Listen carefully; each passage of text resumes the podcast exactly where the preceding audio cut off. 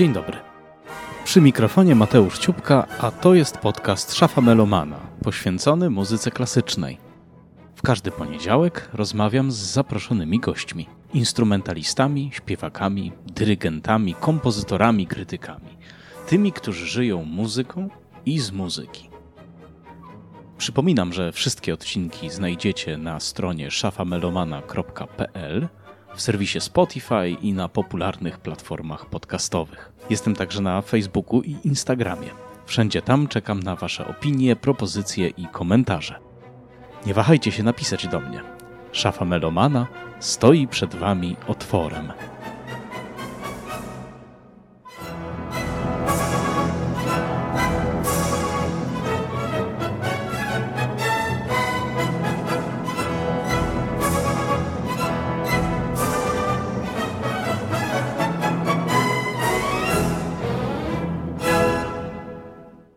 Dzisiaj moją gościnią jest Anna Proszowska-Sala, ekspertka w zakresie komunikacji, budowania marki artysty, ekonomistka, szefowa firmy doradczej Citybel Consulting, ale także absolwentka Uniwersytetu Muzycznego Fryderyka Chopina w Warszawie w klasie klawesynu profesora Leszka Kendrackiego oraz Mozarteum w klasie klawesynu Elżbiety Chojnackiej i Kenneta Gilberta. Obecnie wykłada na Uniwersytecie Muzycznym Fryderyka Chopina w Warszawie i na Akademii Muzycznej w Gdańsku. Witam Cię, Aniu. Witam serdecznie, cześć. Temat, który poruszamy dzisiaj, mm, trochę koresponduje z tematem piątego odcinka mojego podcastu, czyli odcinka, którego gościem był Jan Tomasz Adamus. Rozmawialiśmy wtedy o tożsamości zespołu artystycznego. Trochę mm, unikając używania słowa marka. E, skupiliśmy się raczej na ideach artystycznych, które przyświecają tworzeniu zespołu artystycznego i które zespół artystyczny ma przekazywać. A dzisiaj właśnie zrobimy na odwrót, to znaczy nie będziemy unikali sformułowań ze świata biznesu, ze świata e, marketingu i porozmawiamy o marce artysty, o promowaniu siebie, swojej sztuki, swoich artystycznych projektów. Już zaczynam. E, świadomym i mądrym budowaniu kariery. Ty, Aniu, prowadzisz szkolenia z tego zakresu, masz bogate doświadczenie w doradzaniu wielu artystom Powiedz mi, z czym artyści w Polsce, y, bo chciałbym, żebyśmy się na razie na Polsce skupili, z czym do ciebie przychodzą? Czego potrzebują? Dlaczego oni potrzebują Anny Proszowskiej sali? Oni nie, nie, tyle potrzebują mnie, co rzeczywiście potrzebują nieco innych rzeczy. Myślę, że spokojnie te ich potrzeby można podzielić na kilka takich grup. Pierwsza to jest na pewno potrzeba bezpieczeństwa. Bezpieczeństwa rozumianego jako stałość jakichś przychodów, stałość zleceń, kwestie finansowe. To są oczywiste sprawy, dotyczą wszystkich branż nie? i ludzi pracujących w różnych zawodach, nie tylko muzycznych, ale z tą potrzebą wiążą się jednocześnie inne potrzeby. W zależności od tego, na jakim etapie muzycy są zawodowym, i szczerze mówiąc, te pewne wyzwania, które stoją przed nimi, dotyczą zarówno bardzo młodych artystów, którzy wchodzą na rynek, jak i tych, którzy są w środku kariery i mają za sobą jakieś doświadczenie. Począwszy od takich rzeczy, jak właściwie nie wiedzą, jak sformułować ofertę. Nie wiedzą, jak ją napisać. Ale I... przepraszam, że ci tutaj wejdę słowo, bo padło słowo oferta. Czy jest tak, że na przykład przychodzi y, muzyk, którym wino dobrali, ja gram na skrzypcach, to jest moja oferta. No właśnie. No i o co chodzi? No jaka właśnie, oferta? No właśnie, jaka oferta? Dlatego właśnie mówię, że ja zaraz te słowa, które mhm. tak, mm, ja mam świadomość tego, że w świecie sztuki, w świecie muzyki klasycznej pewne słowa, jak powiedziałeś, z biznesu są nielubiane. Mhm. E, ale moim zdaniem jest to ograniczające myślenie i mam na to szereg dowodów. Po prostu czerpmy z wiedzy, która również ma ponad 100 lat wiedzy biznesowej, marketingowej, psychologicznej, rozumienia odbiorcy, E, więc myślę, że możemy korzystać i się po prostu inspirować. Mhm. A po co mielibyśmy to robić? No po to, żeby po pierwsze, jako muzycy, jako artyści, żebyśmy, czy może bardziej po prostu artyści, mieli większy wpływ na ten świat. E, nie ma takiego zawodu, którego sens byłby bez odbiorcy a tym bardziej jeśli chodzi o sztukę. Więc y, cały marketing na całym świecie kręci się wokół odbiorcy. I często spotykam się od razu, powiem z tym, że no tak, tak, wokół odbiorcy, czyli powinniśmy się przypodobywać odbiorcy, A przecież tu cytat, y, większość Polaków po prostu słucha disco polo, więc my nie będziemy się zniżać jako muzycy klasyczni do tego poziomu. Więc jest to po prostu w mojej ocenie zwykła wymówka. Y, są różni odbiorcy i my musimy umieć ich rozumieć. Y, musimy ich rozumieć, musimy umieć do nich docierać, musimy y, prezentować im wartość tego, co robimy, korzyści, jakie płyną z tego, że mogą doświadczać muzyki takiej czy innej, y, szeroko pojętej muzyki poważnej. Musimy umieć budować z nimi relacje, musimy budować jakieś pomosty między publicznością dzisiaj i jutra, a nie publicznością z wczoraj te generalizacje to jest typowa rzecz y, w ogóle w świecie kultury, ponieważ mam wrażenie, że niewiele instytucji, ale także i samych artystów zleca profesjonalne badania rynkowe, y, aby sprawdzić, jacy są naprawdę ich odbiorcy lub w ogóle jaka jest ich tak zwana grupa docelowa, jaki powiedzielibyśmy językiem marketingowym jest ich target. Natomiast każdy jest mądry i mówi właśnie, nie, większość słucha disco polo, a ci nie przyjdą, a do nas, do opery to chodzą sami starsi, prawda? No, wyjąłeś mi to z ust. No, to, tak jest, to są uproszczenia, które są po prostu łatwe. I szczerze mówiąc, no, miałam okazję w swoim życiu zawodowym, jak policzyłam, pracować dla 42 branż w sumie. I zrealizowałam bardzo dużo różnego typu projektów, komunikacyjnych, kampanii. Szczerze mówiąc, nie spotkałam się z żadną branżą, która by się nie badała. A branża muzyki klasycznej niestety ma na tym polu, mówiąc oględnie, dużo zaległości. Przez to y, naprawdę dużo tracimy. Obserwując y, rynki inne, powiem teraz o zagranicznych rynkach. Tam też finansowanie sztuki jest inne. Analizowałam ostatnio przypadki orkiestr y, amerykańskich w Stanach Zjednoczonych. Y, one muszą jednak y, zdobyć dużo środków na swoje utrzymanie, więc bez sprzedaży biletów i bez sponsorów nie mogą i bez darczyńców nie mogą funkcjonować. Więc po pierwsze zaczynają bardzo mocno profesjonalizować się w zakresie po prostu yy, właśnie badań marketingowych, rozumienia tego odbiorcy i umiejętnego docierania do niego. Yy, budują ten kapitał yy, na przyszłość, żeby wychować sobie kolejne pokolenia y, mm, publiczności. I robią to naprawdę bardzo dobrze inne gatunki muzyczne, nieklasyczne, doskonale sobie radzą z marketingiem i nie, nie, mają z tym, jest to oczywiste, że trzeba mieć fanów i że trzeba mieć swoją publiczność i że trzeba zadbać o szereg rzeczy. Więc myślę, że z jednej strony, jako ambasador po prostu muzyki klasycznej, sama byłam muzykiem, y, z jednej strony jestem przekonana, że naprawdę dzisiejszemu światu muzyka klasyczna jest bardzo potrzebna, ale z drugiej strony ona nie jest potrzebna z definicji. Ona musi po prostu o tą pozycję zadbać. Ponieważ mhm. poruszyłaś temat finansowania, mhm. to było jedno z pierwszych pytań, które mi przyszły do głowy, y, kiedy cię zaprosiłem y, do tej rozmowy, że przecież czy to nie jest trochę takie dosztukowywanie y, u nas czegoś, czy dopasowywanie czegoś sztucznego? Kultura muzyczna w Polsce jest niemal wyłącznie finansowana z państwa. Państwo jest jej głównym, głównym sponsorem. Y, jeżeli po prostu tu chodzi o to, czy ja dostanę w państwowej orkiestrze mm, etat, prawda, lub na państwowym uniwersytecie y, stanowisko i będę mógł uczyć swojej gry na przykład na swoim instrumencie. E, jakby to jest zupełnie inne warunki, tak, funkcjonowania. No właśnie, te formy uprawiania, że tak powiem, zawodu artysty, muzyka y, to też jest problem czy wyzwanie, z którym przychodzą do mnie moi młodzi studenci czy, czy klienci, jest bardzo również ograniczone. Znaczy to, jest, to jest kwestia sposobu myślenia i tylko tego. Tak, zgadzam się z tym, że sztuka w Polsce, trudno mówić o rynku, bo tego rynku po prostu nie ma. Jest, jest, są instytucje finansują. Ostatnio przysłuchiwałam się dyskusji w, radiowej e, reprezentantów szanownych, e, szanowanych powszechnie instytucji kultury, którzy nie tylko nie potrafili powiedzieć właśnie o tym, kto właściwie jest ich odbiorcą, ale ja na pytanie dziennikarza, prowokacyjne zresztą, e, skoro tak wierzycie w swoją publiczność, dlaczego po prostu nie podwyższycie cen biletów, skoro to, co robicie jest takie dobre, więc y, odpowiedzieli, że no, y, no, muzyka nie jest od tego, żeby za nią płacić, krótko mówiąc, czy żeby ją sprzedawać.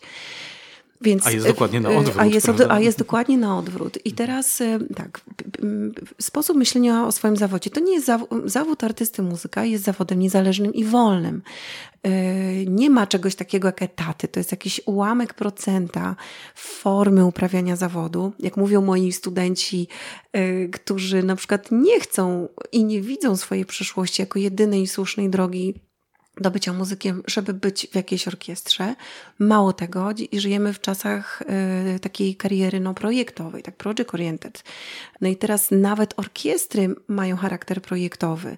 Y, nawet w orkiestrach nie ma etatów. Praca w szkołach czy na uniwersytetach oczywiście też jest jakaś pula miejsc, no ale umówmy się, no to jest sytuacja y, jakaś uzupełniająca, która może być częścią biogramu artysty. No ale potrafię pokazać przykłady instytucji, organizacji i osób, które funkcjonują zupełnie niezależnie. Realizują, y, tworzą własne organizacje, które finansują się same, y, pozyskując przede wszystkim sponsorów, przede wszystkim prywatnych darczyńców, czyli z crowdfundingu i fundraisingu, Plus które czasami. w Polsce leżą generalnie. Które bo... to w Polsce leży. Nie ma nawet takich fachowców. Osobiście tak. znam jedną specjalistkę, co nie znaczy, że jest tylko jedna, ale jest ich po prostu nie, niewiele osób, więc instytucje nie mają wykwalifikowanych ani kadr, które y, się tym profesjonalnie zajmują. Y, no, można prosty przykład podać. Jako muzyk wielokrotnie byłam klientką naszej wspaniałej Filharmonii Narodowej. Ale Filharmonia Narodowa, podobnie jak wiele innych instytucji, i tu serdeczne ukłony oczywiście, nawet nie ma narzędzi do tego, żeby zauważyć, że nie wiem, pół roku już mnie nie było w tej filharmonii, już abstrahując od pandemii, że może warto do mnie napisać jakiegoś maila, bo przecież ma do mnie wszystkie dane, ma telefon, ma mój profil, ma y, mój adres e-mail, już napisać, hej Anna, y, pamiętamy, że byłaś u nas na takim, na takim koncercie, a minęło już długo, może przyjdziesz do nas na taki, taki koncert, jak jeszcze kup, kupisz trzeci koncert, to w prezencie od nas dostaniesz, nie wiem, zaproszenie na lampkę szampana z naszymi muzykami, prawda? I pakiet będzie kosztował cię tam 500 zł, nie? I ja bym z przyjemnością skorzystała z takiego pakietu, ale ale nie ma narzędzi marketingowych, nie ma takiego myślenia. A nie masz takiego wrażenia, że to, o czym teraz powiedziałaś, to jest w tych w wielu momentach bardzo konserwatywnych instytucjach traktowane trochę jako brudzenie sobie rąk. Nie będziemy sobie brudzić rąk takim marketingiem. Co, czy my jesteśmy media ekspert, że dzisiaj tak, jest no, e, tydzień niskich cen, jakie, Black Friday Filharmonii Narodowej, zwariowaliście? To, jak to właśnie, jak, jak to ładnie, jaka to ładna wymówka, prawda? Mhm. Żeby nie, wy, nie wychodzić z żadnej ze swojej stref komfortu, nieważne, czy obłożenie w sali mamy 30% na co dzień, czy 50%, czy od czasu do czasu 75% i raz w roku 100%. Nie wiem, strzelam teraz, ale jak bywałam na koncertach w różnych miejscach, to nie przy pełnych salach, praktycznie w zasadzie nigdy. To po pierwsze. Po drugie, no tak jak mówię, to jest łatwe. Po drugie, no tak długo jak czy będziemy mieli publiczność, czy nie będziemy mieli publiczności, y, będziemy mieli dotacje, no to nie będziemy musieli, y, jak rozumiem, się starać. Po trzecie, pamiętajmy, że każda branża, naprawdę każda, która tworzy miejsca pracy, płaci podatki i tak dalej, pracuje na siebie w perspektywie kilkudziesięciu lat do przodu. Czyli sieje, robi dzisiaj bieżące rzeczy i już dzisiaj ma strategie yy, kreujące pewne potrzeby, realizujące funkcje perswazyjne na przyszłość. I teraz z jednej strony ja obserwuję, no taki piękny przykład podam, właśnie nie, niezagospodarowanych w ogóle dziedzin i stereotypowego myślenia. Przykład edukacji muzycznej. Edukacja muzyczna w standardowym ujęciu to jest edukacja w szkole muzycznej e, pierwszego lub i drugiego stopnia. Czasami w jakichś ogniskach muzycznych, tudzież w prywatnych szkołach muzycznych, które na szczęście są. Ale wyobraźmy sobie, ja mówiłam o tym tak od lat, yy, rozmawiając ze swoimi znajomymi, którzy często znają dwa lub trzy języki obce, są ludźmi wykształconymi, kupują książki, chodzą do teatru, ale nigdy nie byli w, na koncercie muzyki klasycznej. Dlaczego? Bo są głupi? Nie, dlatego, że może lubią blisko polo. Nie. Jak pytałam dlaczego, to powiedzieli, że po prostu nie czują się zaproszeni. Czyli nie, nie, nie docierają do nich wystarczająco mocno pewne komunikaty. Ale jednocześnie zdarza się bardzo dużo osób, które zawsze marzyły o tym, żeby grać na jakimś instrumencie. ale nie było oferty. I zawsze myślałam sobie, kurczę, jest co najmniej kilka milionów ludzi w tym kraju, którzy chcieliby się uczyć gry na instrumencie, ale nie mają, mają dzisiaj 30 lat, 35, 40, nie będą chodzić do żadnej szkoły muzycznej. I nie ma dla nich oferty profesjonalnej. Albo mieszkają w mieście, gdzie nie ma nauczyciela. Dlaczego o tym mówię? No bo mamy XXI wiek, mamy nowe technologie i właśnie na moich oczach, ku mojej wielkiej radości, powstała firma stworzona przez muzyków, szkoła pianina, yy, która ma kilka tysięcy klientów, przychody siedmiocyfrowe po dwóch latach działalności i wokół siebie gromadzi ogromną rzeszę ludzi, którzy mają ogromną przyjemność z obcowania z muzyką w takiej czy w innej formie. To jest ta grupa, która będzie płaciła bilety za koncerty. Więc wracając do formy uprawiania zawodu, po prostu jakby muzycy też, to oczywiście ja mówię tylko swoje zdanie wynikające z mojej obserwacji i doświadczeń, często nie doceniają też tego, co umieją, co mają. E, kariera. Je...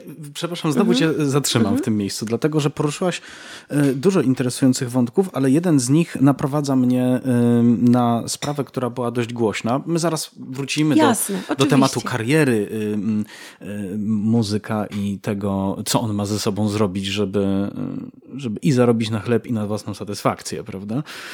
Ale powiedziałaś coś takiego, że jest grupa, która nie czuje się zaproszona. I teraz Całkiem niedawno awanturę straszną w mediach wywołała reklama y, sieci McDonald's, która y, pokazywała. Mm, damy link w opisie do tego, bo to szkoda opowiadać bardzo szczegółowo, ale tak, żeby mniej więcej mm, nasi słuchacze wiedzieli. Pokazywała dwie pary, prawdopodobnie rodziców przyszłej panny młodej oraz ją samą z mm, przyszłym wybrankiem. E, czy z przyszłym mężem, e, którzy wychodzą z Teatru Wielkiego Opery Narodowej. Tak, to jest nie do pomylenia, ten budynek jest oczywiście charakterystyczny. Są tacy troszeczkę wysztywnieni, prawda, jakoś tak tańcują wokół siebie, po czym e, się żegnają, wsiadają do samochodów. Młody człowiek mówi, mm, a Symfonia Leningradzka też to wymyśliłem, prawda, czyli nie wybrał czegoś, co najwyraźniej go porwało. E, zdaje się, starsi włączają też muzykę całkowicie niefilharmoniczną w, w, w swoim samochodzie. No i oto się naraz wszyscy spotykają przy McDonaldzie, e, gdzie zamawiają wieśmaki, prawda, zupełnie nieoczekiwanie i tam już są wyluzowani, i tam się gadka klei, prawda, i tam też pada to hasło e, wieśmak, tutaj możesz być sobą. E, reklama wywołała straszną awanturę. E, myśmy tekst o tym opublikowali na, e, w ruchu muzycznym, w którym pracuję i mm, no bez mała to chyba był najbardziej komentowany post w tym roku. Dlatego, że bardzo prędko ta reklama się stała takim ogniskiem dyskusji o elitaryzmie muzyki. Prawda? Oczywiście łatwo to można skwitować mówiąc, a dzbany w tym, w tym McDonaldzie po prostu pracują. No też nie w McDonaldzie, tylko w agencji reklamowej, która to to, to, to wyprodukowała i kropka, ale mnie zainteresował ten wątek właśnie elitaryzmu. Z jednej strony oburza nas pogłębianie podziałów, prawda? Y, oburza nas stereotypizacja. Nie podoba nam się, że świat filharmonii czy teatru wielkiego jest pokazany jako świat, w którym nie mogę być sobą. Świat, w którym muszę się wysztywnić, ubrać się w niewygodny garnitur, pójść tam i słuchać nudnej muzyki, która mnie męczy, prawda? I robię to, bo co, bo się mam pokazać pokazać przed rodzicami mojej wybranki, tak? Jakbym się miał tak wcielić w tego, w, w, tego młodego człowieka, który wybrał ową symfonię leningradzką. Swoją drogą fantastyczny utwór i taki, na którym się nie da nudzić. No, głupi wybór jak 150, no ale nieważne. Z drugiej strony odezwały się głosy, które mówią, no dobra, ale czy wy tacy nie jesteście? Czy to nie jest trochę dziedzictwo po PRL-u, że po tym Bogusławie Kaczyńskim złotej kamizelce? Czy to nie jest tak, że świat filharmoniczny to jest, proszę pana, wielki świat i proszę pana, w takich butach się tu nie przychodzi? I, a co pan w ogóle wie o Chopinie? Przepraszam, że tak długo gadałem, ale chciałem, żebyś y, się do tego odniosła z twojego punktu widzenia. Co tu siedzi w tej sprawie? Cieszę się, że, że o tym mówisz. No tutaj mm, mm wydaje mi się, że no wchodzimy na dosyć poważny wątek, bo branża muzyki klasycznej ciężko pracowała przez ostatnie 10 lat na swój wizerunek. Włożyła w to bardzo dużo wysiłku. Jak się czyta programy, mówię to jako osoba, która ma dwa fakultety i, i nie powiedziałam tego, żeby się pochwalić, tylko że jak czytam często teksty, które przygotowywane są przez, przez nasz świat, teksty, programy, opisy na stronie internetowej, posty, y, to, to też się męczę. My, my naprawdę wkładamy bardzo dużo wysiłku w to, żeby tę, tą przepaść między nami a odbiorcami zbudować. Robimy to różnymi narzędziami, bardzo skomplikowanym słownictwem, bo zakładamy, że jeśli użyjemy dużo trudnych słów i zbudujemy zdania wielokrotnie złożone i użyjemy dużo fachowych pojęć, to jest wtedy lepiej. Czyli łamiemy podstawowe zasady dobrej komunikacji. Ja już słyszę głosy, no tak, tak, tak, ale my nie jesteśmy tutaj, prawda, tabloid, który by musiał skracać zdania, tylko musimy pamiętać, że y, po, drugiej stronie, podam od razu w tym momencie inny przykład. Y, jeden z, z, z, czołowych banków funkcjonujących na świecie zrobił badania wśród swoich klientów, którzy y, bank pozycjonuje się jako bank dla ludzi raczej dla klasy średniej, z wyższym wykształceniem, etc i przeanalizował wszystkie swoje teksty i uprościł te teksty do granic możliwości, co przełożyło się na wzrost sprzedaży usług tego banku o 45%, a konwersja na stronie internetowej banku wzrosła również o kilkadziesiąt procent. Dlaczego to zrobił? Bo, bo, bo bardzo mu zależy na, na odbiorcach. Nie zszedł z jakości swoich usług, nie zszedł z fachowości swoich pracowników. Po prostu zrobił duży krok, żeby zbliżyć się i no, do, jeszcze bardziej i umożliwić kontakt z tym, co oferuje swoim klientom. I myślę, że tu jest dużo analogii. Ten bank myślał o swoich odbiorcach, no. a wiele tych instytucji, o których my tutaj rozmawiamy, nie jest nastawionych w sensie nie. biura marketingu na odbiorcę, tylko na przykład jest nastawione na muzyków w niej pracujących, Głównie, no. krytyków, którzy to skomentują e, gdzieś w kuluarach, albo dyrektora, prawda, który mówi, tak się o tym nie pisze. No, mówiąc szczerze, my oczywiście dokonujemy pewnych uproszczeń i generalizujemy, ale skala zjawiska jest dosyć duża. Więc wracając do, do tej aury, którą muzyka klasyczna tworzy. Po pierwsze, jesteśmy takim światem wzajemnej adoracji. Żyjemy w takiej bańce. Ta bańka jest bardzo piękna, czasem, często, naprawdę jest bardzo piękna, ale ona nie ma nic wspólnego z, ze światem na zewnątrz. I, bez te, I musimy zrozumieć jako branża, że bez tego świata zewnętrznego, bez, bez nowych odbiorców, mamy, nie wiem ile mamy procent wykształconych ludzi, kilkanaście procent w Polsce? kilkadziesiąt, to się przecież przykłada na miliony y, ludzi. Tam jest, tam jest nasz odbiorca. I my, i teraz jeśli my, patrząc na zdjęcia, przecież ja nawet pokazuję zdjęcia instytucji publikowane w różnych kanałach, żeby moi studenci muzycy ocenili, jak, się, jak, jak patrząc tylko na ten przekaz wizualny, o czym jest ta instytucja, to oni sami mówią, że to jest instytucja, która nie, nie jest przyjazna. E, również szanowane instytucje na świecie prowadzą badania, robią szereg projektów, gdzie e, zapraszają nowe generacje potencjalnych klientów do siedziby i prowadzą badania e, takie no, polegające na obserwacji od początku, kiedy ktoś wchodzi na stronę internetową, zazwyczaj przez telefon, y, skończywszy na kup, podejściu do kasy, y, zostawieniu płaszcza w szatni i tak dalej, i tak dalej. Y, bo my musimy zrozumieć, że my nie sprzedajemy programu, my sprzedajemy doświadczenie. To jest branża, to jest biznes, jakkolwiek się to komuś nie podoba słowo biznes, to wszystko kosztuje. I nieważne, czy to kosztuje pieniądze podatników, czy nie, ale jako podatnik mam duży kłopot z tym, że widzę przepiękny koncert w cudownym wykonaniu, widzę turbo profesjonalną transmisję live, potrafię sobie wyobrazić, jaki był jej koszt, oglądają 20 osób. E, I e, bo nie było komunikacji. W centrum każdej działalności jest jednak odbiorca.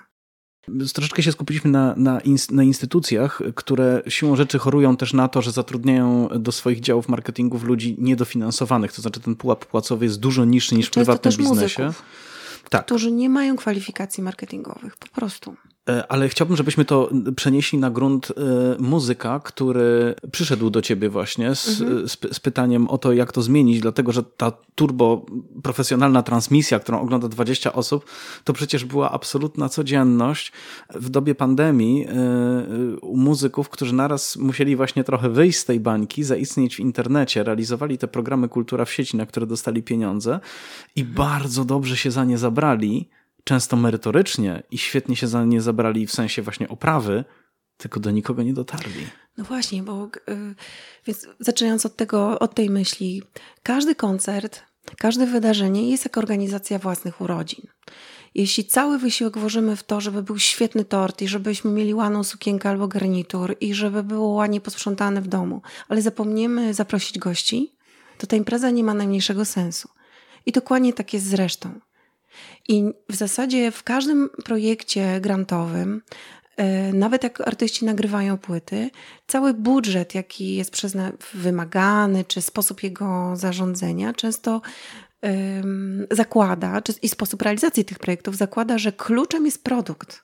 A to, czy on dotrze do kogoś, to jest w ogóle, to w ogóle nie jest problem. Ważne, żeby zrobić produkt. Czyli w centrum uwagi na przykład muzyka nagrywającego płytę jest płyta. Jest płyta, a nie to, żeby ją ktoś słyszał, żeby ją ktoś kupił wielu muzyków nagry... O, właśnie, to jest z czym przychodzą muzycy. Nagrywają płytę, ale nie mają celów. Ich celem jest wykorzystać grant. Te płyty nagrywają często takie, na jakie są środki dostępne, nie myśląc o jakimś spójnym budowaniu swojego signature style, swojego, swojej pozycji rynkowej. Jak cytuję moją klientkę, no, nagrałam już pięć płyt i cała moja piwnica jest zawalona tymi płytami. Tak. I, I, to jest standard.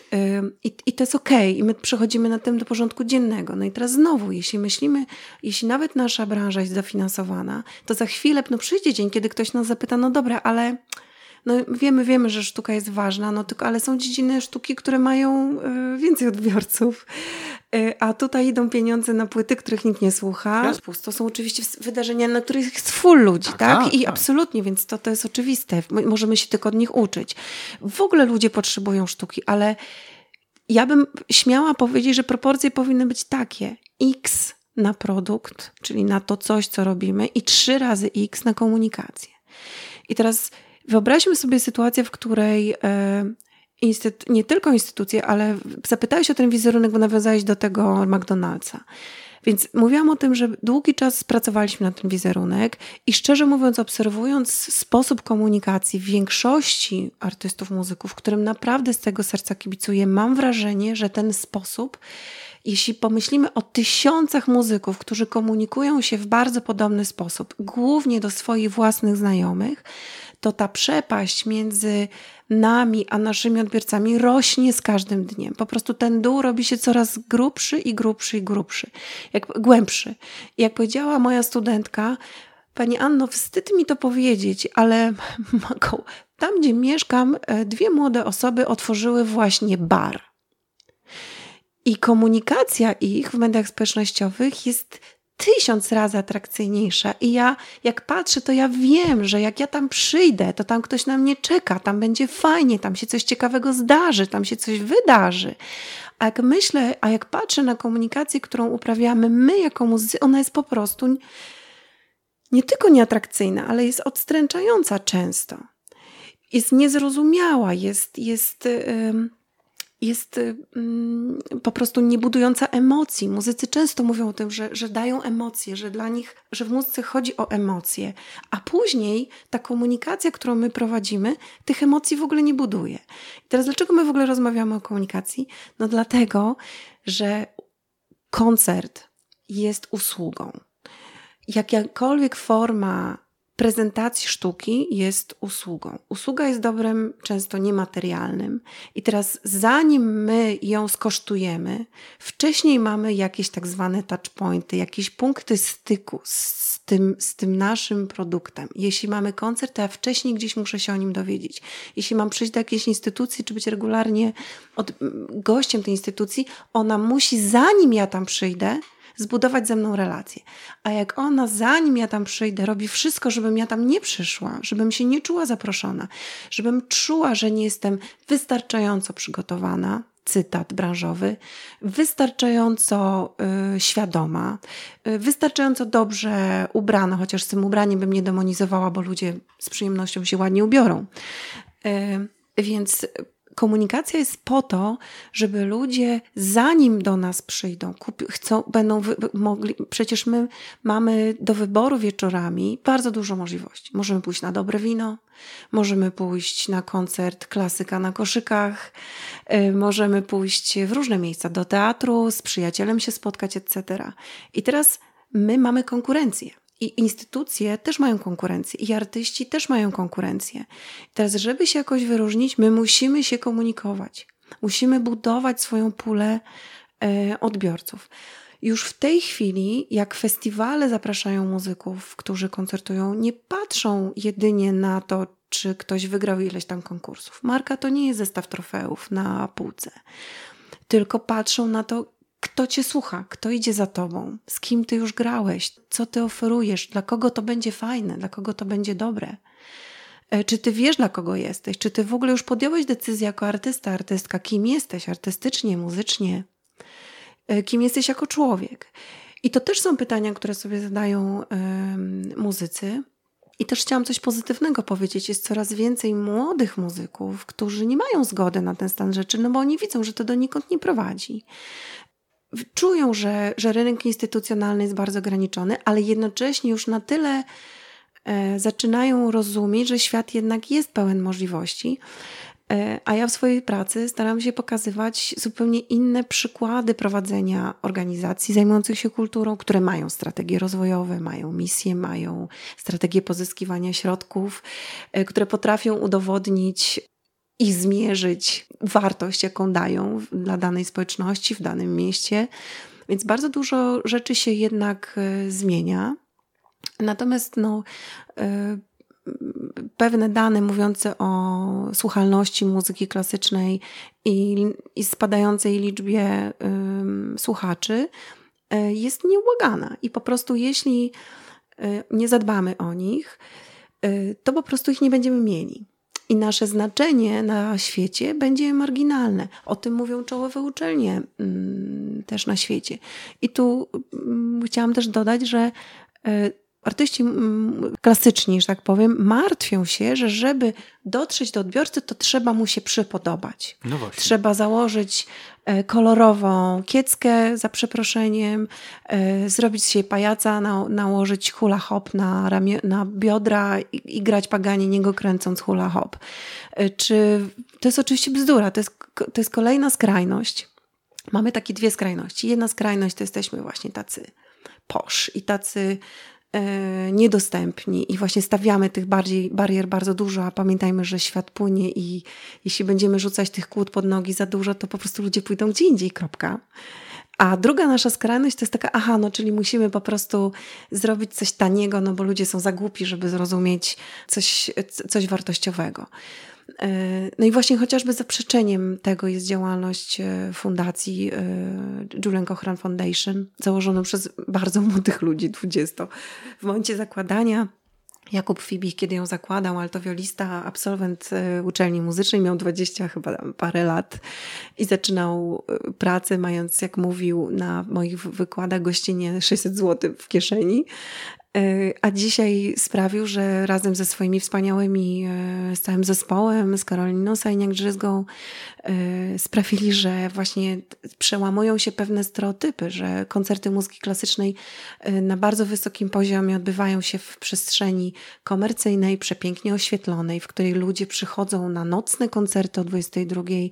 Podobnie działa zresztą na prawach spółki prawa handlowego Aurora Orkiestra Y, brytyjska orkiestra, uznana za najbardziej innowacyjną orkiestrę świata, która ma radę nadzorczą, zarabia, daje kilkadziesiąt koncertów rocznie dla prawie 100 tysięcy osób na całym świecie i ma bardzo ciekawe formaty koncertowe, ma cały zespół marketingowy i tylko jeździć na staże i się uczyć, nie mówiąc już o, o ofercie edukacyjnej online, webinarach prowadzonych na naprawdę naj, na najwyższym poziomie i szeregu produktów łącznie z sylwestrami, na których można posłuchać E, napić się znakomitego wina, posłuchać wariacji goldbergowskich i standardów jazzowych w najwyższej próby wykonaniu. I można, i, i krótko mówiąc, świat muzyki klasycznej potrzebuje innowacji, i moi klienci czują, że potrzebują innowacji, potrzebują zacząć myśleć o ofercie, o swojej marce, bo konkurują zarówno w Polsce, jak i za granicą. E, mają też inne pomysły. Formuła koncertowania jest oczywiście jedną z form, e, ale naprawdę mają znakomite pomysły, tylko czasami boją się ich realizować, bo boją się krytyki e, ze strony własnego środowiska. No właśnie, bo teraz y, y, powiedziałaś na przykład, bardzo dużo wątków poruszyłaś i jeden z, nich mnie zainteresował bardzo, bo gdzieś mi cały czas z tyłu głowy brzęczy Instagram. Instagram jako medium wizualne, prawda? Podejrzewam, że na przykład wiele dziewczyn, które kończą studia muzyczne i chcą się pokazać, prawda, na przykład na Instagramie ze swoją sztuką, wcześniej czy później zada sobie takie pytanie, czy ja muszę na przykład głębszy dekolt pokazać, bo wiesz, to ma parę milionów y, odbiorców, tak, followersów. Dotykam tutaj pewnego problemu seksualizacji, oczywiście, który jest na pewno z tyłu głowy e, dla, dla wielu dziewczyn, ale i dla wielu facetów e, istotny. Nie, nie chcę tutaj mówić tylko o kobietach, bo i faceci po prostu mówią, czy okej, okay, jak ja mam trochę nadwagi, świetnie gram na fortepianie, to ja się już tam mam nie pokazywać, to nie jest mój świat, nie? Czy my wszyscy musimy być piękni, bogaci i, i wiesz, i opływający w luksus po prostu, czy właśnie i, i tak się pokazywać, czy mamy robić jakiś taki, nie wiem, taką fasadę, taką fikcję na tym Instagramie, na przykład uprawiać? Hmm, świetne pytanie. No więc znowu zaczynamy od podstaw. Y, zanim, y, zanim będziemy się komunikować w jakiejkolwiek formie, Instagram jest jednym z kanałów możliwych, niekoniecznych. Y, musimy przede wszystkim wiedzieć, co my właściwie mamy do zaoferowania, co my sprzedajemy, co, co my robimy. Podam przykład znakomitej, przepięknej skrzypaczki, której daleko do dekoltów e, czy wulgarnego wizerunku na Instagramie, natomiast jest niekwestionowaną, e, ma pozycję niekwestionowaną na rynku. Nicoli Benedetti.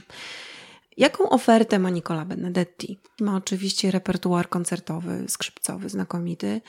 Na swoją pozycję wirtuoski pracowała wiele lat, ale ma też fundację, która organizuje bardzo różnorodne, całoroczne programy edukacyjne dla dzieci i młodzieży z całego świata w postaci e, warsztatów live, warsztatów e, online, webinarów, sesji one-to-one, bardzo różne formaty.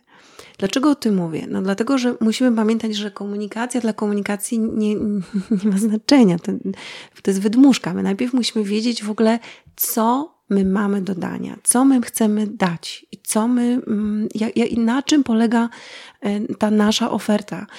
I dopiero na tej podstawie będziemy wiedzieli, dla kogo ona jest. I komunikacja ma nas wspierać. W marketingu jest takie pojęcie mojego ulubionego klienta. Nie ilość ludzi na Instagramie się liczy, ale to, czy to jest na pewno Twoja grupa odbiorców jeśli jesteś młodą artystką czy młodym muzykiem. E, mam takie studentki, które nie tylko mm, świetnie grają, ale naprawdę mają powołanie edukacyjne i chcą zająć się edukacją artystyczną. Na początku naszej pracy stworzyłyśmy ofertę, produkty. Wymyśliłyśmy produkty edukacyjne. I cała narracja uruchomiona na Instagramie, na Facebooku czy na YouTubie kręci się wokół marki edukacyjnej tej osoby i podmiotu, którą ona buduje, wokół potrzeb jej odbiorców i bazuje na tych potrzebach, odwołuje się do tych potrzeb. Tematem w ogóle nie jest dekol, tematem są cele. Jakie cele chcesz osiągnąć? Do kogo mówisz? Co chcesz mu powiedzieć? Dla, jaką korzyść ten ktoś będzie miał z obcowania z tobą w takiej czy w innej formie? To samo dotyczy muzyków koncertujących. Przecież no nie wiem, pracuję z naprawdę znakomitymi muzykami, którzy koncertują, nagrywają płyty, realizują projekty jeden po drugim, ale to są wciąż osoby, które potrzebują poszerzyć swoją bazę fanów, odbiorców, ale też pracują nad tym, jak później, że tak powiem, skonwertować tą bazę, tak? Czyli jeśli ja, po co ja ją buduję? No po to, że jak wydam płytę, to żeby ci ludzie z tej mojej bazy, z tej grupy moich fanów chcieli ją kupić, chcieli przyjść na mój koncert. Wtedy otwierają się przede mną nowe możliwości. Ale ja muszę wiedzieć, kto jest moim odbiorcą. Miałam taką rozmowę ze znakomitą też skrzypaczką polską, która ucieszyła się, bo pojawiło się po jakiejś jej aktywności w mediach społecznościowych stu nowych fanów e, w ciągu, w krótkim czasie. Pogratulowałam i pytam, świetnie, kto to jest? I ona mówi, nie wiem. Nie wiem. Szczerze mówiąc, do głowy mi nie przyszło, żeby sprawdzić, kto to jest. I to jest, myślę, taka, takie podsumowanie tak, tak właśnie tej naszej bańki, w której my jesteśmy. E, był taki czas, kiedy jak pytałam moich studentów o publiczność, to oni byli, ale jaka publiczność? Jaka publiczność? No, my jesteśmy my, mamy stawkę, gramy koncert, robimy swoje, wracamy do domu. Byłam na koncercie znakomitej orkiestry i po koncercie orkiestra była na zewnątrz, paliła fajki, papierosy, przepraszam, a nie zamierzała poczekać, nie wiem, żeby się spotkać ze swoją publicznością, zamienić parę słów, zrobić jakieś after party, zebrać dane, tak zwane lidy, żeby te 500 czy 1000 osób, które były na koncercie mieć w swojej bazie, bo później jak będziemy coś robić, to te 1000 osób kupi nasz bilet. Pamiętam dwukrotnie ta sama reakcja całkowicie, e, całkowite zdziwienie. Otóż e, w, na festiwalu Muzyka Divina w 2018 roku występował zespół, zespół Voices 8. Um, a w tym roku w Świdnicy Gesualdo Six. Zespoły brytyjskie, szczególnie zespoły wokalne, mają to do siebie, że oni po koncercie wychodzą do publiczności. I oni to robią strategicznie, ponieważ często występują w kościołach, więc obstawiają, na przykład jest ich sześciu, obstawiają dwójkami wyjścia z kościoła ludzie nie wiedzieli, jak się mają zachować, ponieważ e, nie, e, oczywiście szybko podłapali, że aha, czyli oni tu stoją dla nas, czyli my możemy z nimi pogadać. Świetne. I to było niesamowite, e, ale mnie zastanowiła szczególnie reakcja publiczności, która była tak całkowicie do tego nie... Nieprzygotowana. Nie spodziewała się aha. tego, że, on, że aha, czyli to nie są półbogowie, my możemy do nich podejść, do nich można mówić. Nie, my, my, tam my, godzinę to, to my tak myślimy, że to było. są półbogowie. Po prostu ludzie tak nie myślą. Ludzie po prostu czują dystans i nie podchodzą, trzymają się na odległość kija, bo nie dlatego, że nas gloryfikują, tylko dlatego, że po prostu E, nie czują, e, że mogą. A nie są przyzwyczajeni. Nie są przyzwyczajeni, ale to, to, to naprawdę się zmienia, bo ja kolekcjonuję przykłady zupełnie inaczej działających muzyków, orkiestr, zespołów kameralnych. No i te, no trend jest nieubłagany, bo jednak szczęśliwie nasza branża posiada liderów. Liderów zmiany, którzy, którzy są wszędzie obecni, zarówno w strefie organizacji pozarządowych, które kreują określoną kulturę, Y, które wpływają na rozwój kultury, ale też zajmują się edukacją muzyczną i w sferze artystycznej. Są liderzy zmiany, którzy szukają nowych narzędzi. I szczerze mówiąc, to o czym rozmawiamy jest o tyle takie przy, przykre troszeczkę jednak, wręcz wstydliwe, że jakby pomyśleć, ile wysiłku intelektualnego i talentu potrzeba, żeby być znakomitym muzykiem. Nasza branża to nie jest branża ludzi, którzy nie pracują. Wręcz przeciwnie, to jest branża ludzi, którzy strasznie ciężko pracują, którzy yy, wiedzą, co to jest mistrzostwo, kunszt, jakość, profesjonalizm. Ale dzisiaj naprawdę my, no to jest taka zaległość, która ma swoje poważne konsekwencje. My musimy po prostu zrozumieć, że definicja profesjonalizmu w dzisiejszym świecie jest naprawdę dużo szersza. No, no, instruktor fitness, młody, dwudziestoparoletni, osoba, która jest specjalistą do spraw nieruchomości, kosmetyczka, e, architekt, e, nauczyciel matematyki, tysiące zawodów wie, że kluczowy jest odbiorca i że do niego wszystkimi możliwymi sposobami trzeba trafić. Że produkt czy usługa jest wtórna, sztuką jest to sprzedać. I, a, a zwłaszcza jeśli my jako branża mamy piękny produkt i wartościowy, i wielowymiarowy, i nieoczywisty, no to komunikacja jest po prostu niezbędna, bo jeśli mamy trudniejszy produkt nieoczywisty, musimy włożyć więcej wysiłku w jego opowiedzenie, w jego zrozumienie. Pozycjonowanie znakomitych zespołów na świecie, jak się wchodzi na ich strony, one wszystkie mają misję. Wszystkie mają misję. I w tych misjach przejawia się często jedna myśl. Dokładamy cały, wkładamy całe swoje serce i wkładamy wysiłek w to, aby wszystkimi możliwymi sposobami budować zrozumienie dla piękna muzyki przeszłości i przyszłości. Budowania właśnie tych pomostów pomiędzy publicznością jutra a nami i publicznością dzisiejszą a nami. Wkładamy masę wysiłku i robimy to poprzez różne rzeczy. Poprzez grę na stojąco, poprzez świetną komunikację, poprzez tworzenie ciekawych e, produktów kulturalnych, poprzez zapraszanie do współpracy ludzi innych dyscyplin, filmowców, aktorów, tancerzy, cyrkowców, e, performerów, etc. E, a, a już w ogóle najbardziej przykre jest to, że no, byle, jak, byle jakiej jakości produkt komercyjny ma znakomity marketing, a my z tym nosem do góry mamy bardzo kiepski marketing.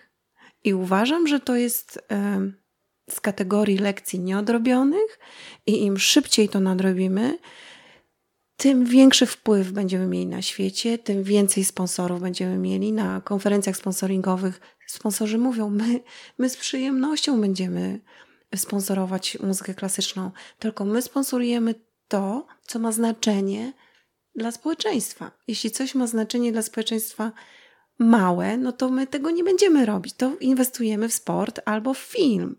Więc my musimy pokazać społeczeństwu, i ja nie mówię o tym, że będziemy mieli słuchalność no poza muzyki pop, bo to też jest oczywiście skrajność, ale jest na tyle duża pula ludzi inteligentnych i wrażliwych, dla których muzyka klasyczna jest absolutnie stworzona i czeka na nich. I oni i pamiętam taką opowiem krótką historię um, deweloper, który wybudował jeden z, jedno, jeden z najwyższych budynków w Polsce, komercyjnych, w których są powierzchnie biurowe, i na dachu tego budynku przewidział scenę koncertową.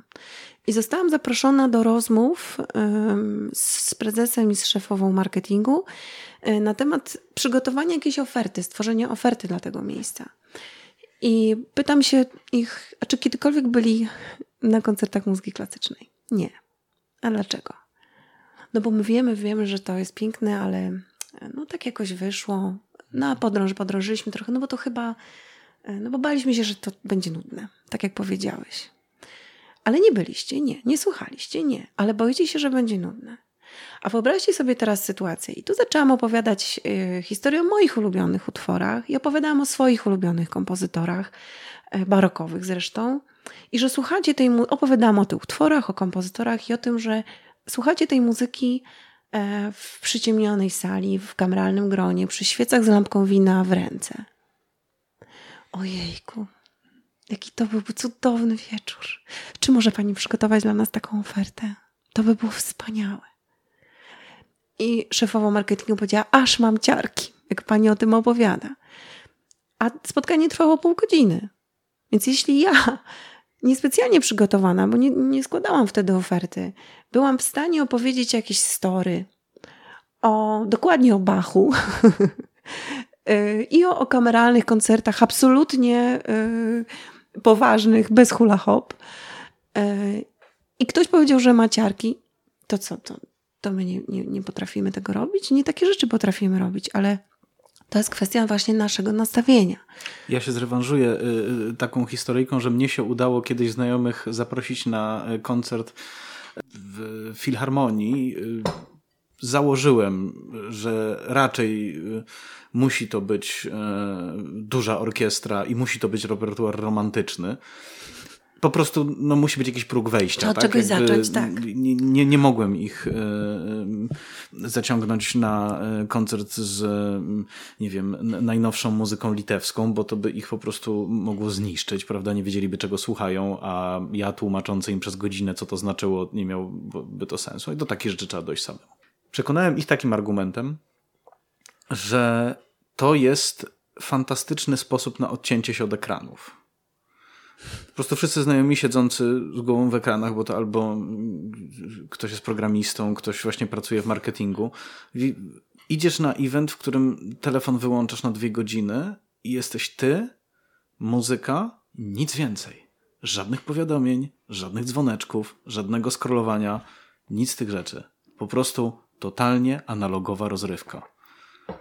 I to przemówiło. Przemówiło. Mhm. Jak oni wyłączyli to przebodźcowanie elektroniczne, to się okazało, że można głowę otworzyć na to bodźcowanie, które właśnie płynie z Ale estrady. Świetnie mówisz, bo właśnie nawet moja, jedna z moich studentek robiła badania na potrzeby zaliczenia pracy. I zrobiła badanie wśród swoich znajomych e, nie muzyków w różnym wieku, ale między 25 a 35 rokiem życia pytała ludzi. E, pytała ich o ich potrzeby i motywacje, które by ewentualnie towarzyszyły w ogóle obcowaniu ze sztuką. I to, czy mówisz, ona nazwała pięknym słowem. Powiedziała, Pani Anno, e, moi badani szukają wytchnienia. O właśnie. Szukają zatrzymania. I to jest język, którym e, to jest naprawdę, my pracujemy, jeszcze raz to powiem, w biznesie, w branży doświadczeń to doświadczenie zaczyna się już na etapie strony internetowej i zakupu i Instagrama właśnie. No Instagram czy Facebook czy YouTube czy kolejne media, czy LinkedIn, tam jest ogromne pole do popisu. Na LinkedInie tam są rzesze wykształconych ludzi, obytych naprawdę w świecie i to jest nasza grupa docelowa. I tam też jest pełno wrażliwców, więc mamy naprawdę kanały, których możemy wykorzystywać, ale musimy zrozumieć, że my musimy kreować doświadczenia na każdym etapie styku z ofertą, czy, czy ze sobą, czy z naszą szkołą muzyczną, czy e, z instytucją. I dla tych, którzy się wciąż wzdrygają przed marketingiem, chciałam dodać, że marketing to nie jest jakiś e, nowomoda. To jest po prostu narzędzie i dziedzina wiedzy, która w ostatnim czasie e, zdobyła bardzo dużo nowych przyczółków, badana, która służy przede wszystkim zwiększeniu wpływu.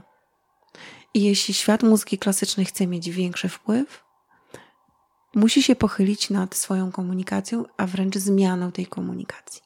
Po to, żeby mieć większe znaczenie, żeby prezentować piękne dzieła i wartościowe rzeczy większej grupie ludzi, żeby móc obronić pewnego dnia żeby być, mieć swoje uzasadnienie i umieć powiedzieć, jaką wartość my dajemy i jak ją mierzymy. Na koniec naszej rozmowy chciałbym wejść y, trochę w rolę adwokatu z diaboli i y, zapytać Cię o coś takiego. Wyobraźmy sobie, że jestem y, muzykiem, który dopiero co skończył Akademię Muzyczną, ale mam już trochę sukcesów na swoim koncie konkursowych bardzo dużo ćwiczę. Jestem bardzo zajęty wchodzeniem w coraz to głębsze rejony mojej, mojego rozwoju artystycznego. Ćwiczenie kosztuje mnie bardzo dużo. To są emocje, to są nerwy, to jest ciężka praca. Konkursy, w których biorę udział, to są jeszcze większe emocje. Ja naprawdę nie mam czasu ja nie mam głowy do tego, żeby zajmować się Instagramem, zastanawiać się nad grupami docelowymi. E, morduje mnie fakt, że muszę już podpisywać jakieś papiery z filharmonią, wysyłać im maile, prawda, bo chcę koncert zagrać. Czy dla kogoś, kto po prostu chce skupić się na swoim graniu i na niczym innym, naprawdę jakby to go wyczerpuje w pełni. I albo po prostu nie ma talentu do marketingu, albo nawet nie chce mieć po prostu, nie chce tego dotykać i nie czuje się w obowiązku tego robić. Czy dla takiego kogoś jedynym ratunkiem jest menadżer? Tędy droga? Czy, no, dziękuję Ci czy za trzeba pytanie. się męczyć? Uznani artyści przez pierwszy etap swojej kariery budowali ją sami. żeby mieć menadżera, musimy zrozumieć, że jest to osoba, która bądź firma, która poświęca czas, pracę dla danej osoby. Jeśli muzyk jest niedoświadczony, to rozbujanie jego kariery przez menadżera zajmuje bardzo dużo pracy. A z czego ma menadżer żyć? Mhm. Przecież musi mieć zapłacone za tą pracę. Każda inna firma, gdyby chciała po prostu zatrudnić, każdy młody przedsiębiorca, który pomyśli sobie, nie wiem, jestem e, młodym e, lekarzem albo, no nie wiem, jestem młodym instruktorem fitness, e, otwieram swoją działalność, potrzebuję mieć klientów, trzeba w moim imieniu zrobić szereg rzeczy, no to musiałby po prostu kogoś zatrudnić i komuś zapłacić za to. E, I tak samo działa tutaj. Menadżer to jest osoba, która poświęca czas na szereg aktywności, e, które muszą być przygotowane w określony sposób, na strategiczne myślenie, na kreowanie sytuacji, na jeżdżenie, na dzwonienie, na spotykanie się, na mailowanie, follow-upy, etc. I za ten czas mu trzeba zapłacić. Wielu muzyków myśli, że zapłacę ci wtedy, jak mi załatwisz koncert, czyli na przykład, żebyś miał 10 koncertów, ja muszę oddać 5, 500 strzałów, to mi zajmie e, 6 miesięcy albo rok. Będziesz miał swoje pierwsze koncerty, zastawki, o których możemy sobie, chyba mamy jasność co do tych stawek, i teraz ja ci dam 10% od tych moich pierwszych stawek. No przecież to się w ogóle nie trzyma żadnych reguł. No więc jeśli cię nie stać na menadżera, czyli kogoś, kto komu możesz zapłacić za świadczenie usług na swoją rzecz, bo żaden menadżer nie będzie pracował za 10% twoich dochodów początkowych. Przypomnę, że 10% od 2000 zł za koncert to jest 200 zł, od 5000 zł, które są stawką raczej mało osiągalną dla młodego muzyka, to jest 500 zł, a żeby załatwić taki koncert trzeba pracować na przykład kilka miesięcy za 500 zł, więc, więc to odpada. Więc pierwsza rzecz to taka, że musisz sobie tą karierę sam zbudować. I przychodzą do mnie młodzi muzycy, którzy znakomici, którzy mają listę konkursów. Wszystko, co powiedziałeś, ma miejsce, ale oprócz tego albo inwestują pieniądze, które zarobili, nie wiem, na wakacjach, e, jakimiś sposobami, ale kupują sobie stronę internetową, żeby ją mieć, kupują sobie doradztwo, kupują sobie konsultacje u różnych osób, uczą się pisać ofert. Na, w pierwszej fazie kariery takim narzędziem bliskim, oprócz strony internetowej portfolio pierwszej płyty re, re, recenzji czy referencji, są, y, jest networking. I na ten networking y, trzeba poświęcić czas, trzeba pisać maile, trzeba szukać możliwości nawiązywania kontaktów. Y, po, jeśli chcesz networkować, no to musisz y, poświęcić po prostu temu energię, no i mieć coś do zaproponowania. Jest, czyli budowanie. Czyli networking to jest budowanie sieci kontaktów. Sieci kontaktów, nawiązywanie mhm. relacji. To jest biznes relacyjny. To jest biznes relacyjny i żeby nawiązywać z kolei te kontakty, no musisz gdzieś bywać, pojechać na jakąś konferencję branżową, pisać maile, zrobić jakąś bazę instytucji, do których, z którymi chcesz się skontaktować, no wyjść z domu. Oczywiście zawsze można podjąć decyzję, że I am special i po prostu jestem wyjątkowy, ciężko pracuję i ja nie mam czasu na takie głupoty, jak zajęcie się swoją karierą poza ćwiczeniem. I okej, okay, każdemu wolno. Nie mam z tym jakiegoś problemu. No, oczywisty jest koniec. No, jeśli siedzisz w domu i ćwiczysz, no to cię nikt nie znajdzie. Musisz z tego domu po prostu wyjść. I im wcześniej muzycy zrozumieją, że nie są wcale aż tak wyjątkowi w tym swoim zawodzie, bo jest naprawdę na świecie bardzo dużo zawodów, które również wymagają nauki, zdobywania kwalifikacji, płacenia za szkolenia, kursy, y, podnoszenia kosztów pozyskania pierwszego klienta, drugiego klienta. Każdy młody y, przedsiębiorca, który, bo pamiętajmy, że rozmawiamy o karierze niezależnej, tak? Więc jeśli porównamy ją do innych niezależnych karier, no to na rynku są tysiące ludzi, którzy wydają swoje pieniądze i podejmują ryzyko. Oprócz tego uczą się, y, testują, wkładają bardzo dużo pieniędzy w pozyskanie określonych certyfikatów, zdanie egzaminów. Y, przecież też się uczą. I jeszcze w, w, i marketują, i przegrywają przetargi, i, i inwestują w swoje własne pieniądze w promocji. Też by mogli powiedzieć, no ale zaraz, ja tu jestem świetnym fachowcem w swojej dziedzinie, jestem e, bardzo dobrym, nie wiem, specjalistą od planowania kampanii reklamowych i, i siedzę w domu, poświęcam czas tylko na, na uczenie się o tym, na czytanie, na analizy, na badania, a klienci niech mnie sami znajdą. Nie będę się ogłaszać, nie będę brał udziału w żadnych konkursach, bo nie muszę. Więc ja rozumiem ten ból. Sama przecież byłam aktywnym muzykiem. Wiem, co to znaczy ćwiczyć i, i naprawdę znam tą sytuację. Ale to nie jest nie do zrobienia. I przychodzi taki moment, kiedy artysta może sobie pozwolić na menadżera ale on na tego menadżera musi już mieć zbudowaną pozycję i to są nie moje słowa, tylko agentów, z którymi mam kontakt, z którymi pracuję, którzy pracują dla moich klientów. Agenta, że tak powiem, trzeba sobie zasłużyć, więc de facto nie masz wyjścia. I, i, a na ile mam doświadczenie, to, to, to takie ciągłe ćwiczenie bez robienia innych rzeczy jest też wymówką. E, nie chciałbym, żebyśmy zakończyli naszą rozmowę takim e, wnioskiem, że to jest, że ten cały wysiłek marketingowy i to wszystko, co wokół tego trzeba zrobić, jest jakąś bardzo przykrą koniecznością, z Właśnie. którą jakimś takim straszliwym trudem, który trzeba podjąć, bo warto, y, wydaje mi się, i ty to pewnie świetnie rozwiniesz i wydaje mi się, że, że, że to będzie niezły finał tej naszej rozmowy, która czuję, że mogłaby jeszcze trwać i trwać. Że y, obecność tych mediów oraz ten networking, o którym mówisz, wszystkie te działania marketingowe, które można wykonać we własnym zakresie, też dają dużo satysfakcji. Zbudowanie swojej strony internetowej jest satysfakcjonujące. Dopisywanie tam kolejnych mm, cegiełek, dorzucanie kolejnych linków, informacji o tym, gdzie się wystąpiło lub gdzie się wystąpi lub co się osiągnęło, daje pewną radość. Y, opublikowanie posta na Facebooku czy na Instagramie może być zastrzykiem dopaminy, jeśli jest to dobrze zrobione, prawda? U podstaw każdego działania leżą cele.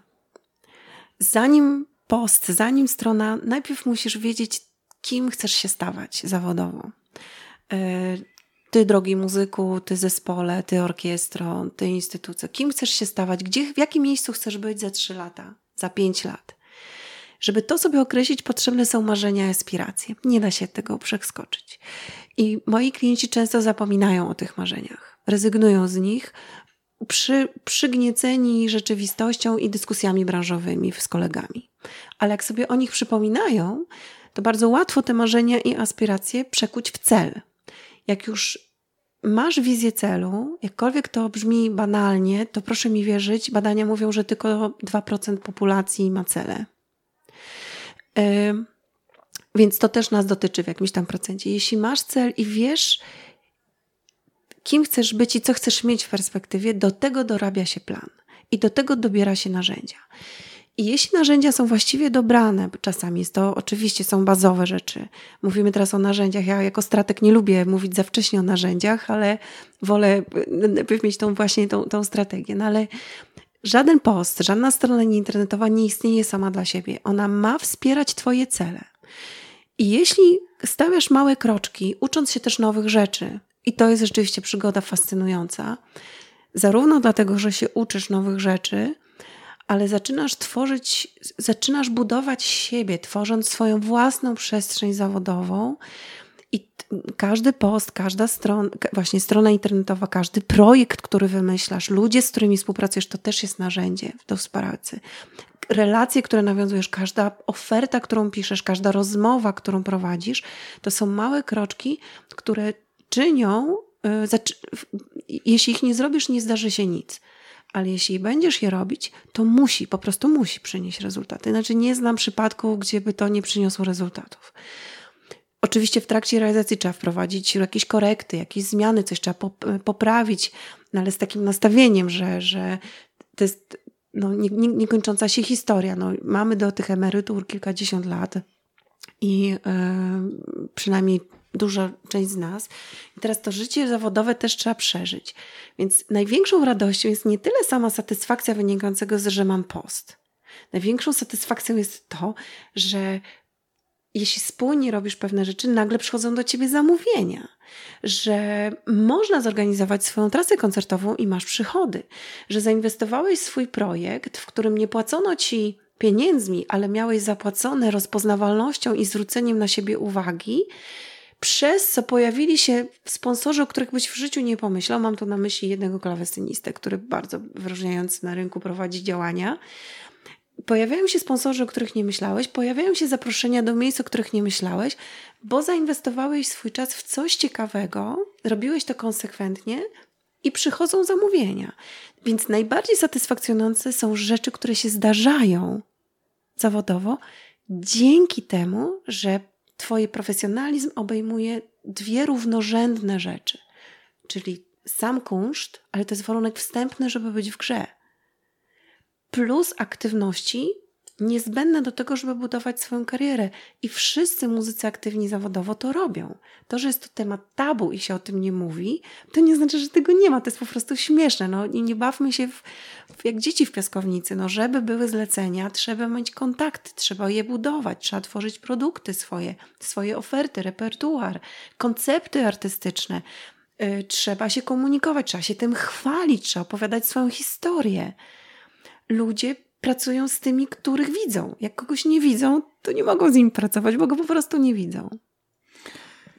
Bardzo Ci dziękuję. To jest bardzo dobry wniosek na koniec. Mam nadzieję, że to nie jest nasze ostatnie spotkanie w szafie Melomana, a następne, jak sądzę, poświęcimy już, jeżeli będziesz miała ochotę, jakimś e, sprecyzowanym, konkretnym zagadnieniom, bo dzisiaj poruszyliśmy mnóstwo, mnóstwo wątków. Mnóstwo wątków. Bardzo Ci dziękuję, Ania. Bardzo dziękuję również. A moją gościnią była Anna Proszowska-Sala, ekspertka w zakresie komunikacji, budowania marki, artysty, ekonomistka, szefowa firmy doradczej Citybel Consulting i klawesynistka z wykształcenia, uczennica między innymi Elżbiety Chojnackiej.